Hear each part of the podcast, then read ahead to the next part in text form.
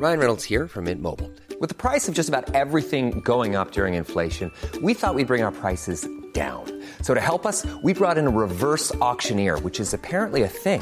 Mint Mobile unlimited premium wireless. Ready to get 30, 30, bit to get 30, bit to get 20, 20, 20, bit to get 20, 20, bit to get 15, 15, 15, 15 just 15 bucks a month. So, Give it a try at mintmobile.com slash switch.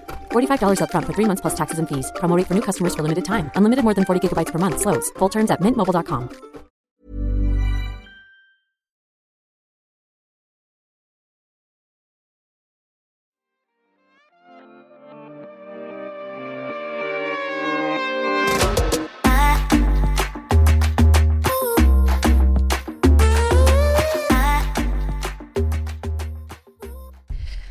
Ok, hallo alle sammen. Velkommen tilbake til Le Beauty Blogsters podcast. Og i studio i dag så har vi Ragnhild. Og Helle. Altså, It's good to be back. Ja, det er veldig deilig å være her på Eccentric igjen. Men jeg må bare si det. Vi skal snakke om en stor nyhet i dag. Ragnhild, trommevirvel. I'm pregnant! Wee! Hvordan er det å være gravid? Uh, det er ganske så fantastisk. Og rart og spennende på en gang. Vi er, nå er jeg jo bare seks uker på vei, så um, det er jo fortsatt litt sånn skummelt spennende også, fordi ganske mye kan jo skje på den tiden her. Men eh, nei, vi er kjempeglade og syns det er veldig, veldig spennende, altså. Absolutt. Og altså, selv om vi syntes det var lenge å vente den per måned per måned hver gang vi prøvde og sånn, så fikk vi det til på måned nummer fire, som ikke er lang tid i det store bildet i det hele tatt. Så jeg skal ikke late som at jeg har prøvd lenge, det har jeg ikke, i forhold til mange som har prøvd lenge. Men eh, nei, nå satt den, altså. Nå satt den! Nå satt den! Men uh, du, du er jo uke seks, Ja. sånn som du sa selv. Ja. Og det er jo en grunn til at de aller fleste ikke deler at de er gravide før um, man er tre måneder på vei. Mm. Fordi man er redd for å miste det. Mm. Ja. Det er jo mellom fra én av fem til én av fire som mister før uke tolv. Mm. Det er ganske mange. Jeg har jo slitt masse med det selv. Du har det? Ja. Men det er fordi jeg vet hvorfor nå, da. Men jeg har jo hatt fire spontanaborter. Fire? Ja. Når jeg hadde tenkt til å Jeg hadde jo tenkt å beholde det, det var med min eksmann. Ja. Og så har jeg alvorlig jernmangel, som legen sa til meg, som gjør at det bare kroppen ikke forstår at um, den tror embryoet ikke er levedyktig. Så den slutter prosessen da, i eh, magen og, og eh, kvitter seg Selv om med, embryoet er friskt i seg selv. Altså så vidt du vet, da. Så vidt jeg vet, men ja. igjen så si, sa jo denne gynekologen og legen til meg at eh, mest sannsynlig så er jo ikke embryoet helt friskt heller, for den har kanskje Nei. ikke fått alt det den trenger, fordi jeg har så alvorlig jernmangel da. Ja. Men det har jeg hele tiden, sånn hele livet. Men liksom. selv om du tar jerntilskudd? Jeg må det, men når man tar jern, jerntilskudd, da får man forstoppelse! Og det er så jævlig irriterende. Så Å, det er perioder hvor jeg bare ikke orker å gjøre det. Og så har jeg liksom, jeg må kutte de pillene opp i to, men jeg tror jeg må, jeg må liksom, hvis jeg skal bli gravid igjen, så sa legen at bare kom inn til legen Ja. uh, ofte, og bare sjekk det, liksom. ja, riktig. Men, uh, men jeg har jo hørt at i graviditet så er det jo veldig vanlig å få forstoppelse uansett. Så hvis du skal Ja. bli gravid, så er du litt sånn ja ja, whatever, jeg blir forstoppa uansett. altså, jeg gikk ikke på do, jeg. det kan jeg bare si med en gang. Nei, nei, Ja. stakkars. Og jeg har gått åtte måneder gravid uten å ha noe barn, da. Sånn til sammen, til sammen. Ja, selvfølgelig. Til sammen. ja, du, ikke, du mistet ikke jeg mistet i måned ikke, nei, nei. Så det skal, men, jeg- men første mistet jeg jo i fjerde måned. Wow! Så og jeg kan ikke jo- engang forestille meg hvor vanskelig det kan ha vært. Nei, det var vanskelig, og jeg var så pissed, fordi jeg visste ingenting, og det er derfor jeg syns det er så sjukt bra at du deler hele prosessen nå, fordi jeg mener at Jeg håper virkelig ikke det skjer, men hvis du hadde mistet, så trenger folk å høre det, fordi vi snakker ikke nok om spontanaborter. Og sånn som du sa, hvor mange er det ikke som går gjennom dette? Det er en helt normal del av livet. Det skjer med så mange. Det skjer med mødre, tante, venninner. Altså alle har en person det mest sannsynlig har skjedd med, men veldig veldig få snakker om det, for det er kjempesårt, det er vondt. Men jeg mener at de som orker å ha overskudd og føler at det er riktig å dele, please del. Jeg syns det er veldig fint måten du ordlegger deg på der, at det er eh, ikke at alle skal måtte dele, men at hvis du kan dele og vil dele, så gjerne del det. Uh, fordi jeg har veldig respekt for at folk ikke har lyst til å dele også. Det er en veldig personlig og intim ting, og at folk har lyst til å holde det for seg sjøl. det skjønner jeg også 100% fordi det er sårbart, det er intimt, det er personlig. Men hvis man vil dele, sånn som meg, jeg føler jeg har fått veldig mye sånn ufortjent skryt, fordi mange er sånn å, det er så sterkt av deg å dele. Og det er veldig hyggelig at folk sier det. Misforstå meg rett, jeg er jo ikke narr av at folk sier det. Eh, Det synes jeg er veldig hyggelig, men jeg føler meg ikke sterk eller rå som deler det i det hele tatt. For for meg er det kun vært en positiv opplevelse å dele det. Det har vært jeg synes egentlig helt fantastisk. Jeg har jo da delt det her på Snapchat, og der har jeg hatt så mange dialoger med kvinner som enten er gravide eller har vært gravide eller ønsker å bli gravide, eh, som da syns det er like interessant og morsomt å prate om det her som det jeg syns. For du veit jo hvordan det er hvis du er en vennegjeng og så opplever du noe veldig spesielt i livet ditt, som f.eks. å bli gravid eller få barn, og så vil du prate om det hele tida, men resten av vennene dine er bare sånn åh, kan vi prate om noe annet? Jeg ser for meg, ser for meg så en gjeng med masse folk som har kids, og så Alex og jeg er bare sånn de Ja. tantene som drikker dr drinks i bakgrunnen er sånn Ja, har du, hvem lå du med i går, da? Ja, Liksom. kan vi prate om noe Ja. annet nå? Eh, så for min del så vil jeg jo bare si at jeg syns det bare har vært kjempepositivt å, å prate om det her på Snapchat. Og jeg har lært så mye, og jeg føler at uansett hva jeg prater om, så blir jeg møtt med en veldig hyggelig gjeng damer som bare har lyst til å gi meg råd, men ikke være sånn mammapoliti, men bare sånn 'dette er min erfaring', eller 'jeg kan råde deg til det og det og det'. Det er ingen shaming, ingen Enda, da, i hvert fall. Enda, for det var akkurat det jeg skulle si. Du kan jo ikke gjøre noe galt, du har bare blitt gravid. Ja, vi får er se, men det er veldig hyggelig. Ja, det er veldig hyggelig. Fantastisk. Det det er syns jeg er så nice. Jeg tror også man unngår mammapoliti veldig ofte ved å ikke være den som kommer og forteller hva andre skal gjøre, eller sier at dette er riktig eller dette er galt. Og det har jeg aldri gjort. Jeg har kun stilt meg som undrende og ny til tema selv. Eh, og da kan man på en måte ikke bli tatt på noe. Fordi jeg sier jo ikke 'dette er riktig' eller 'dette er feil', eller 'jeg syns at la-la-la-la', ikke sant? Veldig sant. Så det er liksom vanskelig å kjefte på meg når jeg bare stiller et eh, uskyldig spørsmål. Men i går så kom det opp et nytt tema som jeg begynte å snakke om på Snapchat, og dette merker jeg for første gang at da blir litt vanskelig å snakke om. Litt sånn åh shit, skal jeg ta opp det her, eller skal jeg ikke ta det opp? Jeg syns det er eh, litt skummelt. Og det er å snakke om NIPT-test. Har du hørt om det? Nei, jeg vet ikke hva det er for noen gang. Nei. Det er rett og slett en eh, blodprøve som du kan ta i uke 11 Oh, ja. Ja, ja. som da vil fortelle deg, eh, med i hvert fall en større sannsynlighet, om barnet eller fosteret du har i magen, eh, er, har et syndrom. Ja. Og det er jo da tre syndromer som du i Norge kan teste dette for. og Det ene er jo da Downs syndrom, og så er det to andre syndromer som jeg dessverre ikke husker navnet på nå. Men eh, det er jo da en test som du kan ta. I uke, Hvilken uke var det igjen? 11. Ok, så det betyr jo da at du, hvis det er tilfellet, så Mm. kan du fortsatt ta en lovlig abort. Riktig. Og, men du kan også eh, søke om abort etter det har gått tolv uker, hvis du får svar etter tolv uker, på en Det er sant. Mm. Eh, og mest sannsynlig få det innvilget da. Um, Skal og du ta den testen? det er jo det jeg skal, da. Og jeg begynte å snakke om dette på Snapchat i går, og så tror jeg kanskje at jeg snakket om det litt sånn casually.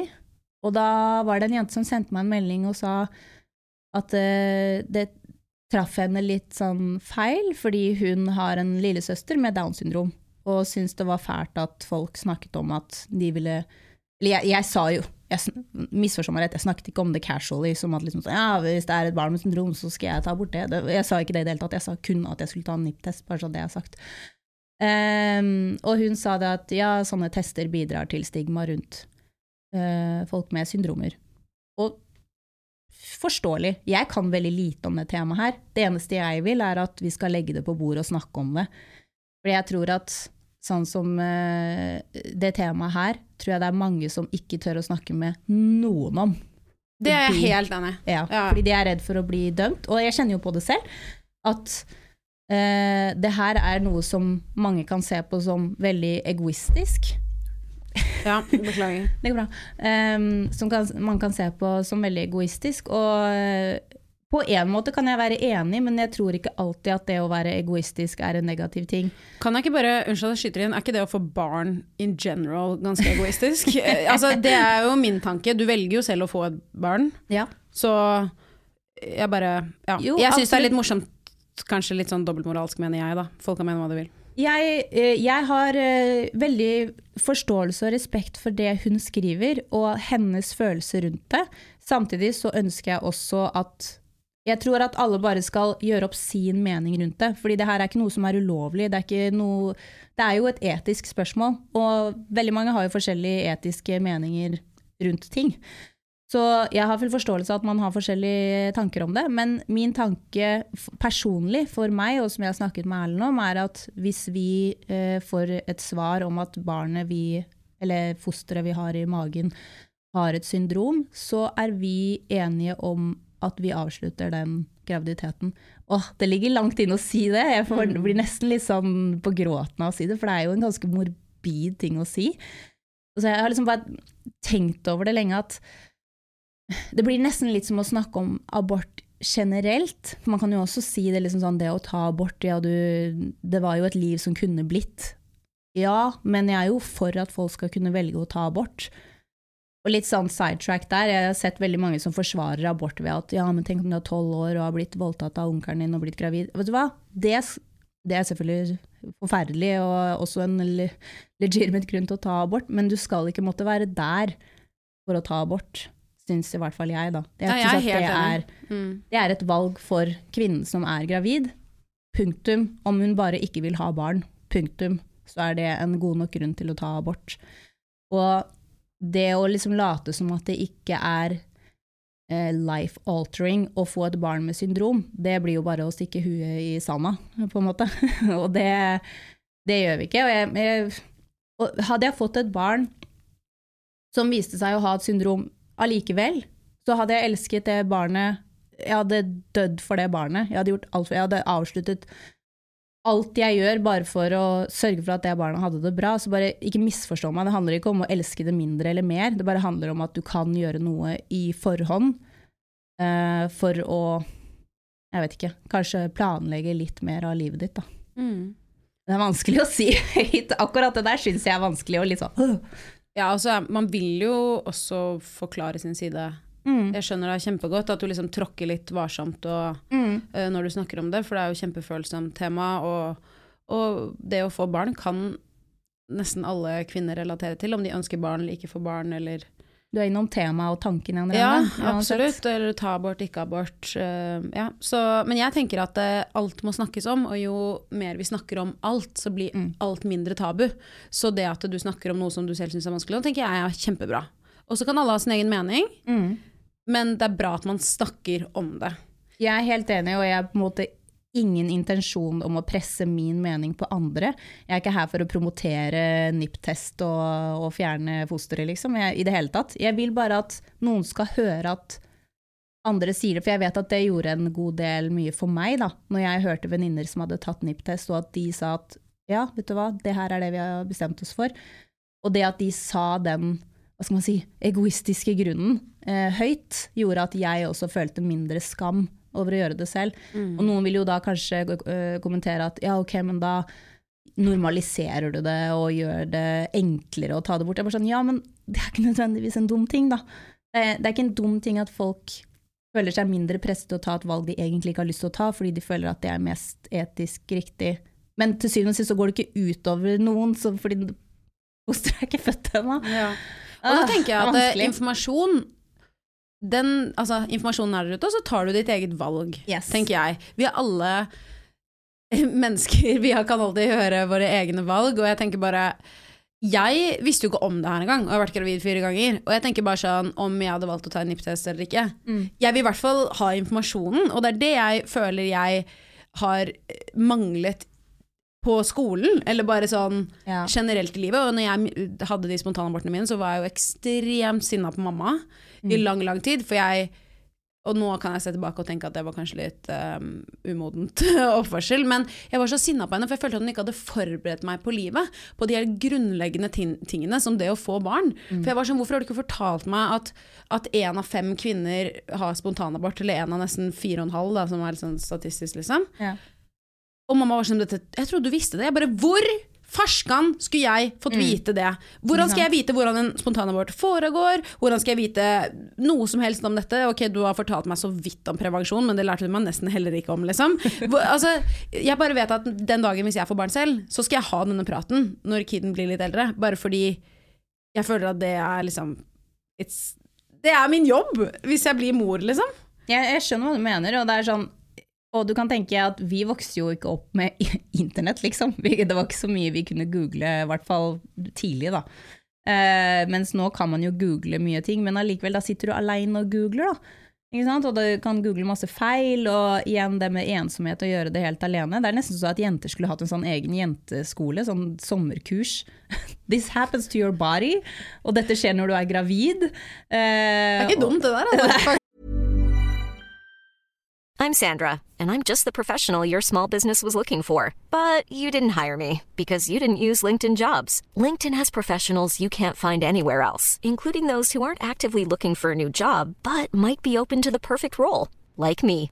In a given month, over 70% of LinkedIn users don't visit other leading job sites. So if you're not looking on LinkedIn, you'll miss out on great candidates like Sandra. Start hiring professionals like a professional. Post your free job on linkedin.com/people today. Hold up. What was that? Boring. No flavor. That was as bad as those leftovers you ate all week. Kiki Palmer here, and it's time to say hello to something fresh and guilt-free. Hello Fresh. Jazz up dinner with pecan-crusted chicken or garlic butter shrimp scampi. Now that's music to my mouth. Hello Fresh. Let's get this dinner party started. Discover all the delicious possibilities at hellofresh.com. Du var ikke en dum i det. Lage en sånn liten skvinne, nei, skvinne faktisk, kvinneskole på sommeren.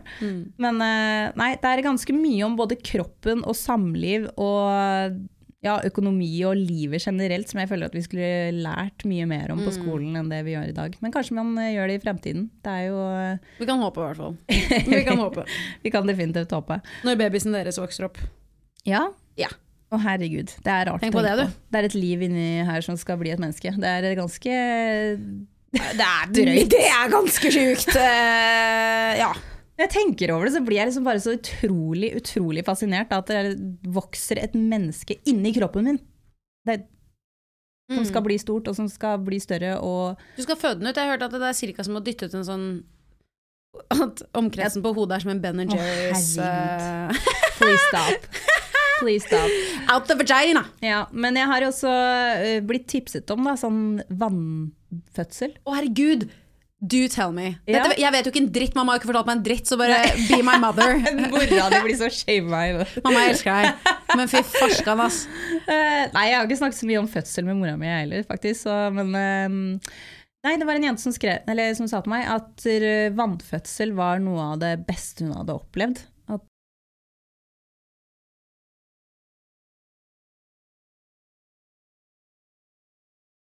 Vet jeg ikke. Jeg tror du kan få gjøre det hvor som helst. Det vet jeg faktisk ikke, det har jeg ikke undersøkt. Jeg tror ikke du bare kan gå til Ullevål og være sånn Hei, jeg skal ligge i et badekar. Jeg tror ikke du kan det. Jeg tror du må booke, booke det på forhånd. Mm. Ja, det kan godt hende at man må booke det på forhånd. Det kan hende. Og så må du dra til Det er litt sånn som i, um, i Oslo og Bærum, så er det kun ett sykehus også i Aske, vet jeg, hvor du kan få lystgass hvis du vil ha det. ja. Da ligger de og bare ler seg hjel, har jeg hørt. Det er jo bedre det. Men dette er jo ting jeg bare har hørt og ikke opplevd selv. Så hvis noen skal komme og ta meg i DMs, come at me. Det er jo helt fint. Vi, vi vet ikke hva vi snakker om ennå, vi bare snakker, deler tanker her. Eh, men ja, jeg ble i hvert fall anbefalt det, fordi du blir litt sånn vektløs, og at det lindrer smerte der nede, da, fordi det er varmt og godt vann. Og... Men jeg blir jo litt sånn Veldig mange, de fleste, bæsjer på seg når de føder. Så hvis Ja, men du det ligger, vet jo alle. Gjør Ja, men hvis du ligger i vann Så flyter bæsjen din. det er litt sånn, tenk, tenk om den ikke er helt fast. Da. Tenk om du liksom er så stressa at du har litt løs mage, og så driter du på deg i vannet. Ligger der i diareen din og skal føde. Å, Herregud, vannet blir ikke gjennomsiktig lenger. Du bare svømmer i din egen bæsj. Nei, men, dette må jo være et reelt problem. Altså, de fleste som føder, bæsjer.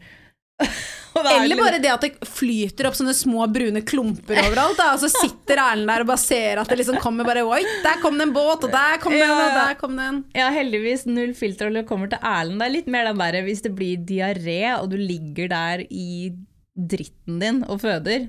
Det må være en helt forferdelig opplevelse. Men det er litt uh, sånn fra land til land. Jeg har en venninne som fortalte meg at i USA, Mm. der uh, får de sånn lakserende middel når de kommer inn, Ja. før de får epiduralen. Sånn at de bare går på do og bare driter ut alt. Og så går de og føder, sånn at de ikke bæsjer på seg. Ja, det kan du helt sikkert gjøre. Og så er det noen som har sagt at man kan få sånn eh, Ikke kateter, men hva heter det for noe En pose du bæsjer inn i, liksom. Nei, men det er jo noe som gjør at du går på do, da. Jeg husker faktisk ikke helt hva det heter akkurat nå. Litt sånn brain freeze. Men eh, Jeg har jobbet på eldresenter. Det er sånn mikrolaks som vi drev og putta i stump- mikrolaks. Ja, det var det de kalte det. Hva er det? Det er en liten tube som du I'm sorry. Stikker opp i rumpehullet? Eh, Altså, nå lyttere. Ja, du, I hvert fall på eldresenter så løftes jo da disse eldre opp, og så må du, du ha på hansker, og så ta, er det en sånn eh, lang tube. Okay. Uh, tube med sånn lang tut. Som du putter opp i rumpa, bare sprøyter inn, Ja. og så bare går det seriøst ett sekund, og så bare Og så fossefall ut av rumpa di, liksom. Men kanskje det er sånn du burde hatt hvis du blir forstoppa? Da? Ja, det kan det jo godt hende at det hadde vært en eh, Altså hvis Hvis det løsning. funker, altså Altså, det funket. Jeg har aldri sett så mye bæsj i hele mitt liv som jeg jobbet på det eldresenteret. Og jeg var 18 år og jeg er traumatisert for livet. Å, herregud. Men nydelig. Jeg elsket å jobbe med eldre, og det var kjempekoselig. Men det er noe med å liksom Og noen av de um, ja, er jo der fordi man har blitt dement, da. ja, ja. Så en gang så ble jeg slått mens jeg fikk bæsj på meg. Og det er, sånn, det er jo en prosess, altså. Det kan jeg bare si med en gang. Det, Det kan jeg se for meg. Å, prøver å hjelpe til, og så skjønner de ikke. Og så egentlig er det bare kjempetrist, for de er bare fantastiske mennesker som har levd Ja. et langt liv, og så prøver du å hjelpe, og så skjønner de ikke hvem du er, selv om du har vært der liksom hver dag i mange måneder. Også. Herregud, det må være skummelt. Men det er veldig bra at det blir tatt vare på, så you did a good job. Thank you very much. Ja. Still traumatized, but it was okay.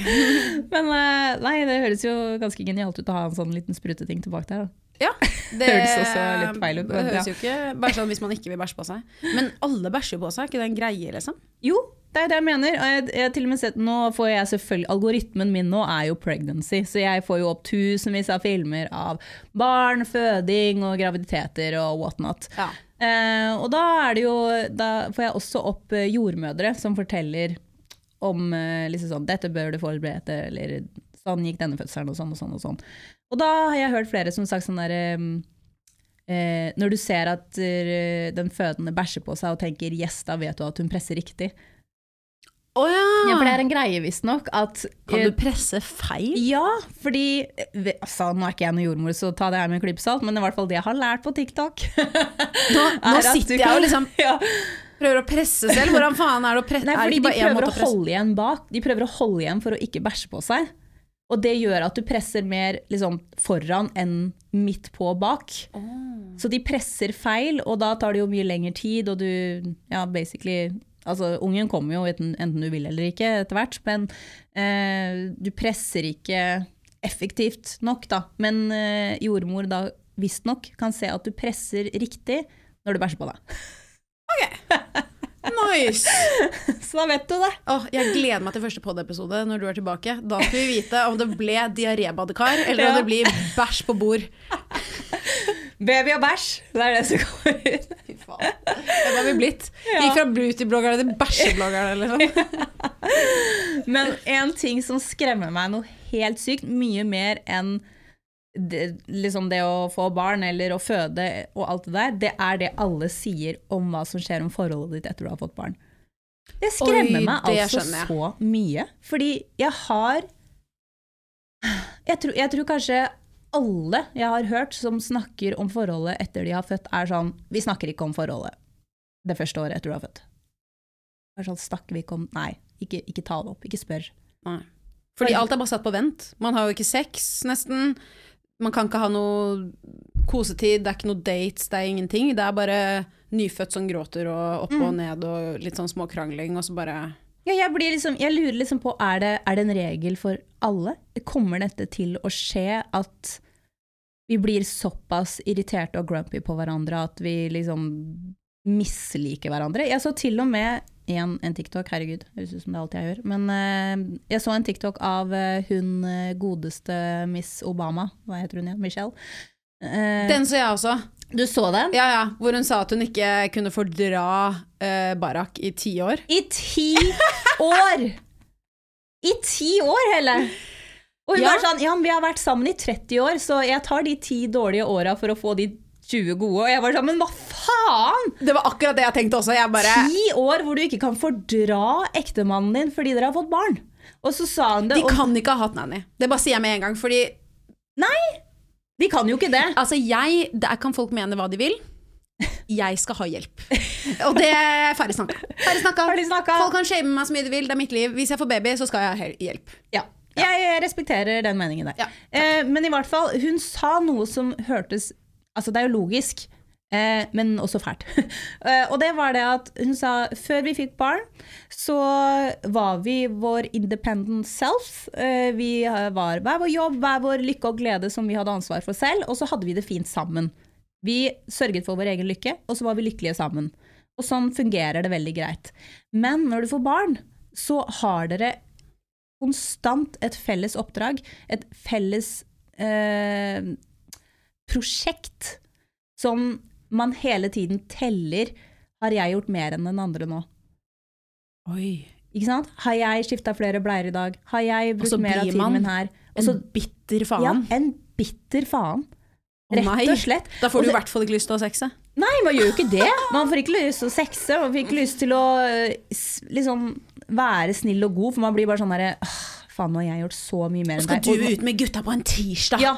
Å, fy faen. Og så begynner man å telle og liksom gjøre opp Har jeg vært ute med jentene, eller har du vært ikke sant? Og så skal det liksom være den 50-50-perfekten. Visstnok. Jeg har jo ikke vært i den situasjonen jeg selv, så jeg, så jeg og Erlend vi har, vi har pratet så mye om det, og vi er begge sånn Jeg ser liksom redselen i øynene våre når vi snakker om det. For vi blir sånn Herregud, skal vi Vi har det jo veldig fint. Så vi blir sånn Skal vi miste det her? Er det verdt det? Men jeg tenker jo at hvis dere Nå er dere jo veldig eh, klare over situasjonen, da. Og dere Ja. er jo litt redd for det, så jeg tenker jo uh, kanskje man kan Jeg har jo ikke barn, her kommer bare noen forslag. Kanskje man kan uh, hegagardere seg holdt jeg på å si, litt med, med svigers og mamma og foreldre og være litt sånn Dette er vi skikkelig redd for.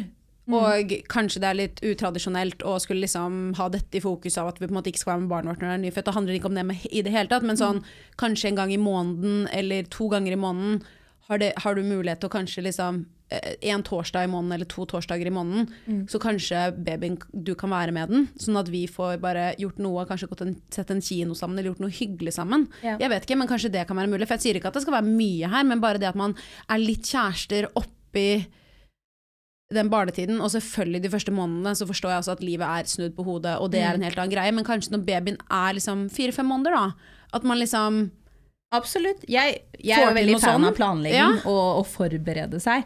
Men jeg tror bare Eller jeg har fått inntrykk av at det her kan du bare ikke forberede deg på. at du liksom bare Nei, blir slått jeg i bakken. Da. Men, Mm. men så har jeg snakket med Erlend, og jeg har blitt sånn derre Ok, hva kan vi gjøre? Og så har vi snakket om en ting som vi syns høres logisk ut. Jeg vet ikke om det er gjennomførbart i det hele tatt, men vi har i hvert fall tenkt at hvis vi setter av at vi må sette av ti minutter hver dag ti minutter, altså du kan godt holde babyen samtidig, skal ikke legge fra deg eller noe, den er med, men at vi har ti minutter hvor vi prater sammen og forteller hvordan vi har det. På godt og vondt. Men at vi på en måte får en sånn ground zero hver dag, hvor vi tar opp hva vi syns er vanskelig, hva vi syns er fint. At vi bare prøver å være mestere på å kommunisere, da. Ja. Ja, det høres jo bra ut, det. Det høres jo bra ut, det kanskje hver dag blir litt mye, men annenhver dag eller noe. Jeg vet da faen, jeg. Nei, jeg, jeg, jeg vet ikke. Vi bare, hvis, at, jeg, hvis man gjør det sjeldnere, så føler jeg at man kan glemme det bort. Ja. Nei, det- Men at det blir en sånn fast rutine hver dag. At liksom sånn, trenger ikke engang å være ti minutter, det kan være fem minutter. da. Fem minutter, let's sit down. Hvordan går det i dag? Er du på en eh, fem eller en syv eller en tre eller to i dag? Hva Men det kan du? jo være fint, eller, og kanskje den ene bare er sånn Du, jeg, nå holder jeg på å begynne å grine hvert sekund, for jeg har ikke sovet. Så er det sånn, ok, gå og ta deg en nap, liksom. Ja. Så kan man, ja. Jeg tror det er kjempesmart, og kommunikasjon er key, det. Jeg er helt enig. Ja, nei, jeg, åh, jeg bare syns det er så vanskelig, og det er på en måte en av de tingene jeg liksom gruer meg mest til og syns er skumlest av alt. At jeg skal miste det jeg har med Erlend. Og at sånn som Michelle og Barack Obama, som er et par som jeg ser så utrolig opp til, sier at de mislikte hverandre i ti år. Vet du hva, det er så, eks det er så ekstremt, da. Ja. Altså ti år! Åh, det er så lett Det var ikke engang liksom de to første liksom, fødselsåra, eller hva det var, men ti år! Åh. Og da, da blir jeg sånn skjønner at veldig mange ikke vil ha barn, jeg. Jeg sitter jo her og vurderer livet mitt nå, liksom. Det er jo Ja, jeg, jeg skjønner det veldig godt. Jeg liksom Altså Ja. Det, er, det er ikke bare positive ting med å få barn, det er også mange negative ting. Hvis man kan si det rett ut.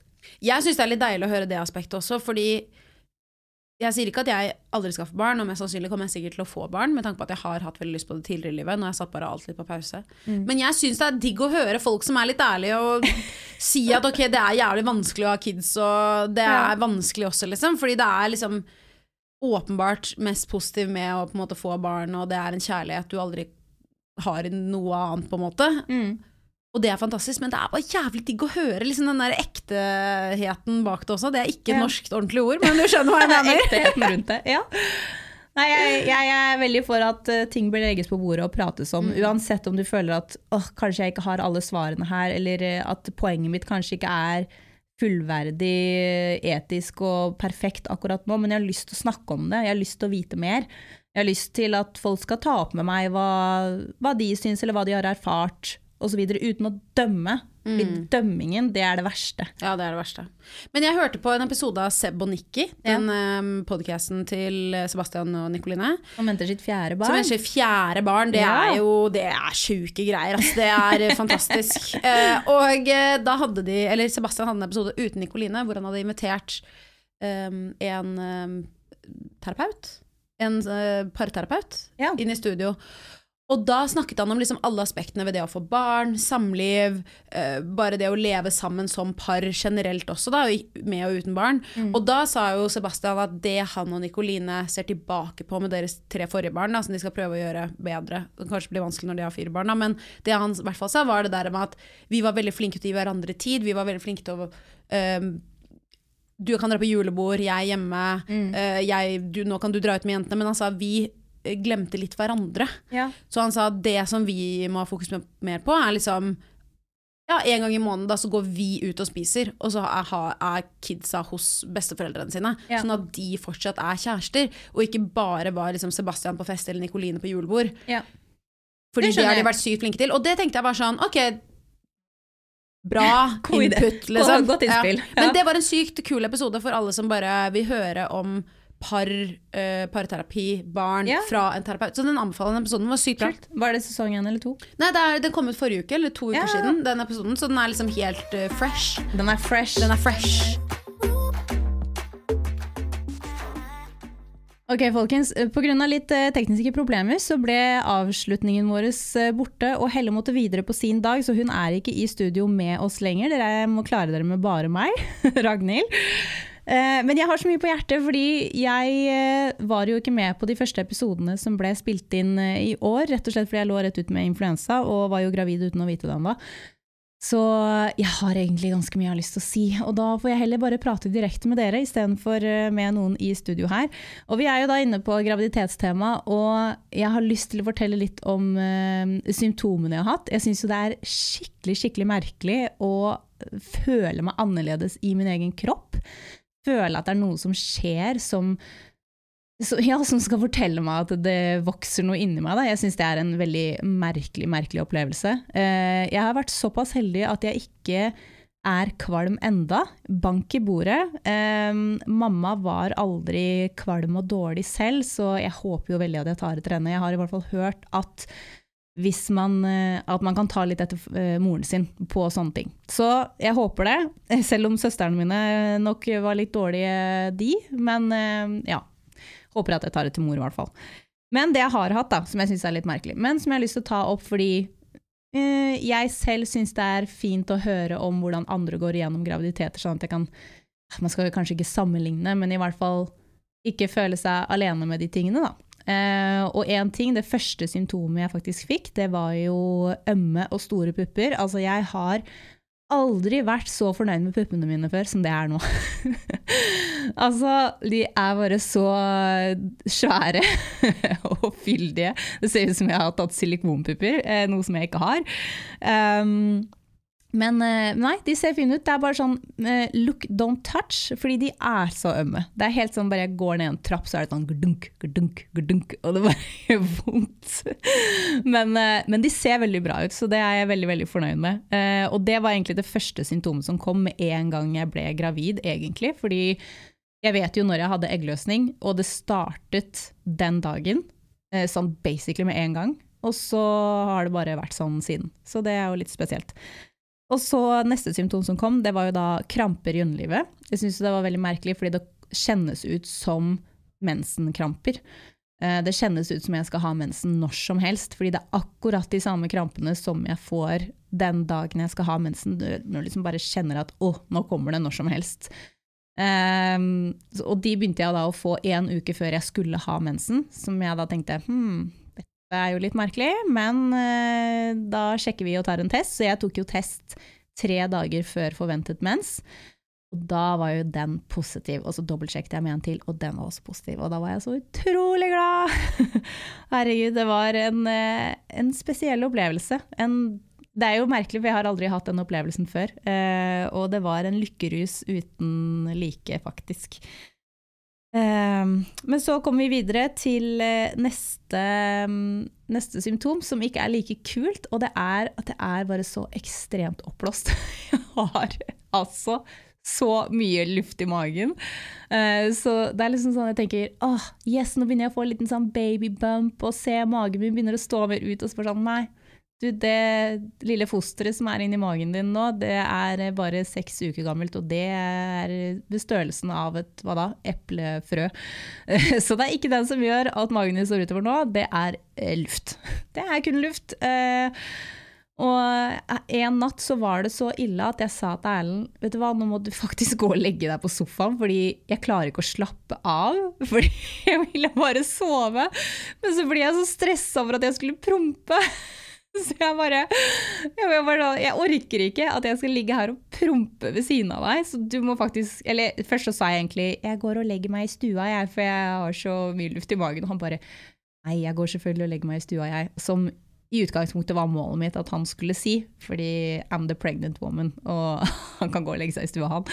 Men Så da fikk jeg sove alene, rett og slett fordi jeg hadde så mye luft i magen. Så hvis noen kan relatere, eh, please send meg en melding på det, så jeg føler meg som den prompegurien helt alene. Eh, jeg har nå i hvert fall skjønt at dette er et relativt normalt eh, symptom, så eh, ikke følg deg alene på det. og så, ellers enn det, så er det også noe som folk har pratet veldig mye om, som jeg opplever, som er helt sånn psyko drømmer. Jeg drømmer altså filmmanuskript og jeg husker alt når jeg våkner, og det er bare de rareste drømmene jeg har hatt i mitt liv. Noen ganger kombinert med litt sånn lucid dreams, hvor jeg da halvveis våkner opp og føler at jeg fortsatt er i drømmen, sånn, fordi kanskje jeg har en skikkelig krampe nedentil. Og så har jeg drømt at det ligger en stor stein opp magen min, og så våkner jeg opp, og så bare føles det som den steinen fortsatt ligger der, og så blir jeg helt sånn Åh! Så ja, det, det, tar litt av med, med, drømmingen også. Jeg har også hørt at det er et ganske sånn normalt uh, symptom på graviditet. Veldig, veldig merkelig. Men i dag så fikk jeg altså et nytt symptom på morgenen i dag som jeg syns uh, var litt kjipere. Jeg har jo til nå, som jeg har sagt, uh, vært heldig og holdt meg unna kvalme og oppkast og alt det der. Jeg, igjen, jeg er jo bare i uke seks, og det kan jo komme når som helst. Men i dag så kom det et litt sånn ekkelt symptom, eh, og det var eh, når jeg skulle pusse tennene mine. jeg har også heldigvis hørt og lest at dette er normalt. Igjen, elsker at folk deler, fordi det gjør at når man oppdager det selv, så er det bare sånn Å ja, men dette er jo et normalt symptom. Så mm, det er jo bare bra. Men det var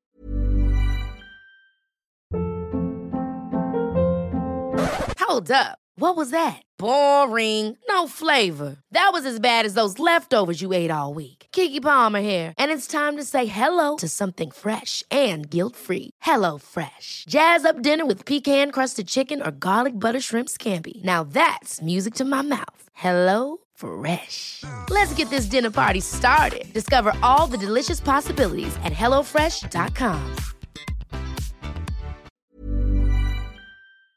fall, jeg står og pusser tennene mine, og så bare kjenner jeg på en sånn helt forferdelig lukt. Og det jeg kan sammenligne den lukten med, det er hvis du har vært på byen og du er så full at du må kaste opp, så står du bøyd over toalettet på, ut, altså på utestedet sin do. Sånn lukta det. det lukta litt sånn skitten doskål. Og det er, det er kanskje noe av det ekleste jeg kan lukte. Eh, men det har da tannkrem begynt å lukte for meg. og det er jo litt kjipt, da, fordi når jeg sitter der og pusser tenna, så tenker jeg jo liksom at nå skal jeg føle meg ren og fresh og ja, minty fresh. Det føler jeg meg ikke. Føles, føles ut som munnen min stinker skitten doskål, og det er faktisk noe av det ekleste. Nå, hvis jeg ikke bare kaster opp av tanken på det, så, ja, så er jeg heldig. Men ja, det er et nytt syndrom som jeg syns at jeg kanskje kunne vært foruten. Men igjen, jeg føler meg ganske heldig da, som ikke er kvalme. da. Det skal uh, absolutt sies. Og det som skjer nå òg, da, er jo at alt på sosiale medier av algoritmer viser meg babyting. Fordi jeg elsker å se på babyting eh, på sosiale medier. Så jeg ser altså reels og TikTok og alt mulig av fødsler, gravide kvinner, folk med barn, fedre med barn, kvinner med barn, alt mulig sånt. Um, og syns at dette er veldig veldig fint å se på. Og så får jeg da opp en video eh, her om dagen, ikke sant? og jeg gråter jo av så mye nå, men det her tror jeg på en måte jeg hadde gråtet av uansett. Men eh, jeg skal fortelle dere en liten historie som jeg da så på TikTok, av en kvinne som sto på et talkshow, jeg tror i Sør-Amerika. De snakket eh, latino og spansk, eh, hvis jeg ikke tar helt feil. I hvert fall så forteller hun om eh, en opplevelse hun hadde i eh, Tijuana. Uh, og hun hadde da to barn, gikk langs uh, gata i byen med sine to barn, en i barnevogn og en uh, seksåring som holdt hånda hennes ved siden av. Og så ser hun at den i vogna, altså babyen i vogna har mista smokken sin. Så hun går bare noen, eller titter bak seg og ser at smokken ligger langt bak i gata der, så hun bare går tilbake dit, henter smokken. Og når hun snur seg og går tilbake, så ser hun at seksåringen hennes er borte. Uh, og blir jo da selvfølgelig helt fortvilet og leter overalt. Eh, spør alle i gata har dere sett noe, har dere sett noe, og finner ikke barnet sitt. Og så er det noen som sier at de så en grå varebil og beskrev hvordan den så ut. Eh, og at det beste hun kunne gjøre nå, det var å dra til grensen um, av Tijuana til et annet sted. Jeg husker ikke hvor det andre stedet var, men i hvert fall til grensen i landet. Da. At det var liksom hennes beste sjanse for å finne barnet sitt igjen. Um, og allerede nå jeg kjenner jeg blir helt på gråten igjen. Igjen, I'm pregnant. Men ja. Uh, hun, uh, hun, drar nå til grensen. Uh, leter fortvila, har jo da med seg politi og alt mulig. og så ser hun en grå varebil. titter inn i vinduet, og der ser hun at sønnen hennes ligger og sover. Um, og de, politiet går inn og henter ut barnet og, og får lagt det på, i, ambulansen. Uh, og så når moren da kommer inn, så ser de det at barnet sover ikke, det er uh, dødt.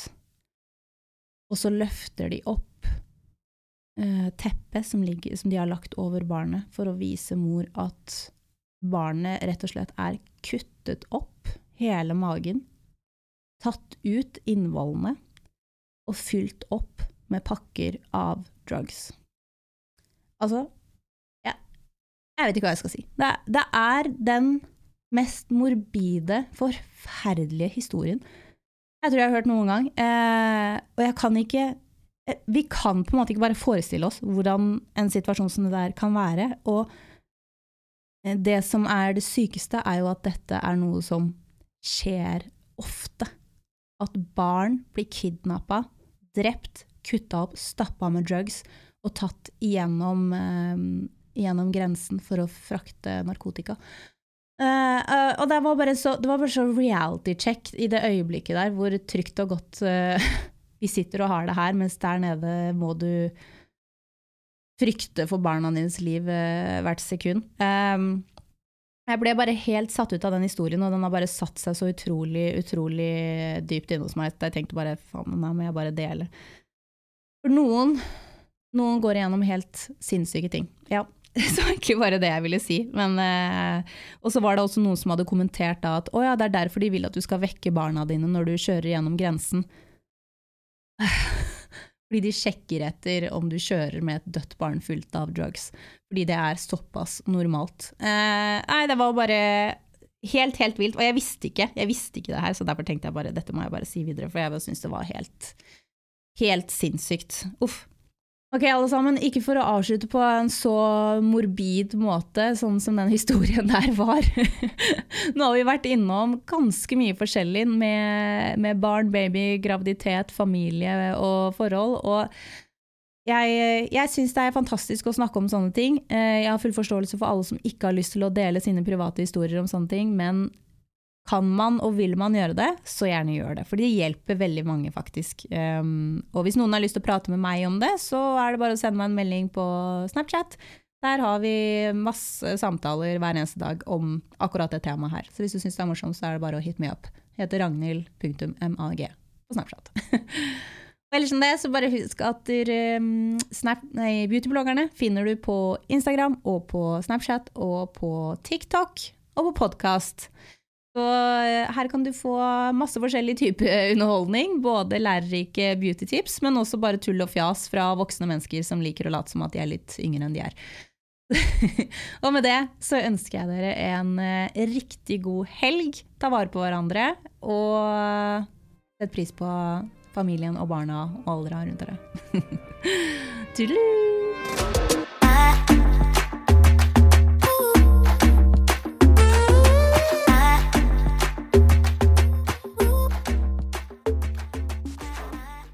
Eccentric people.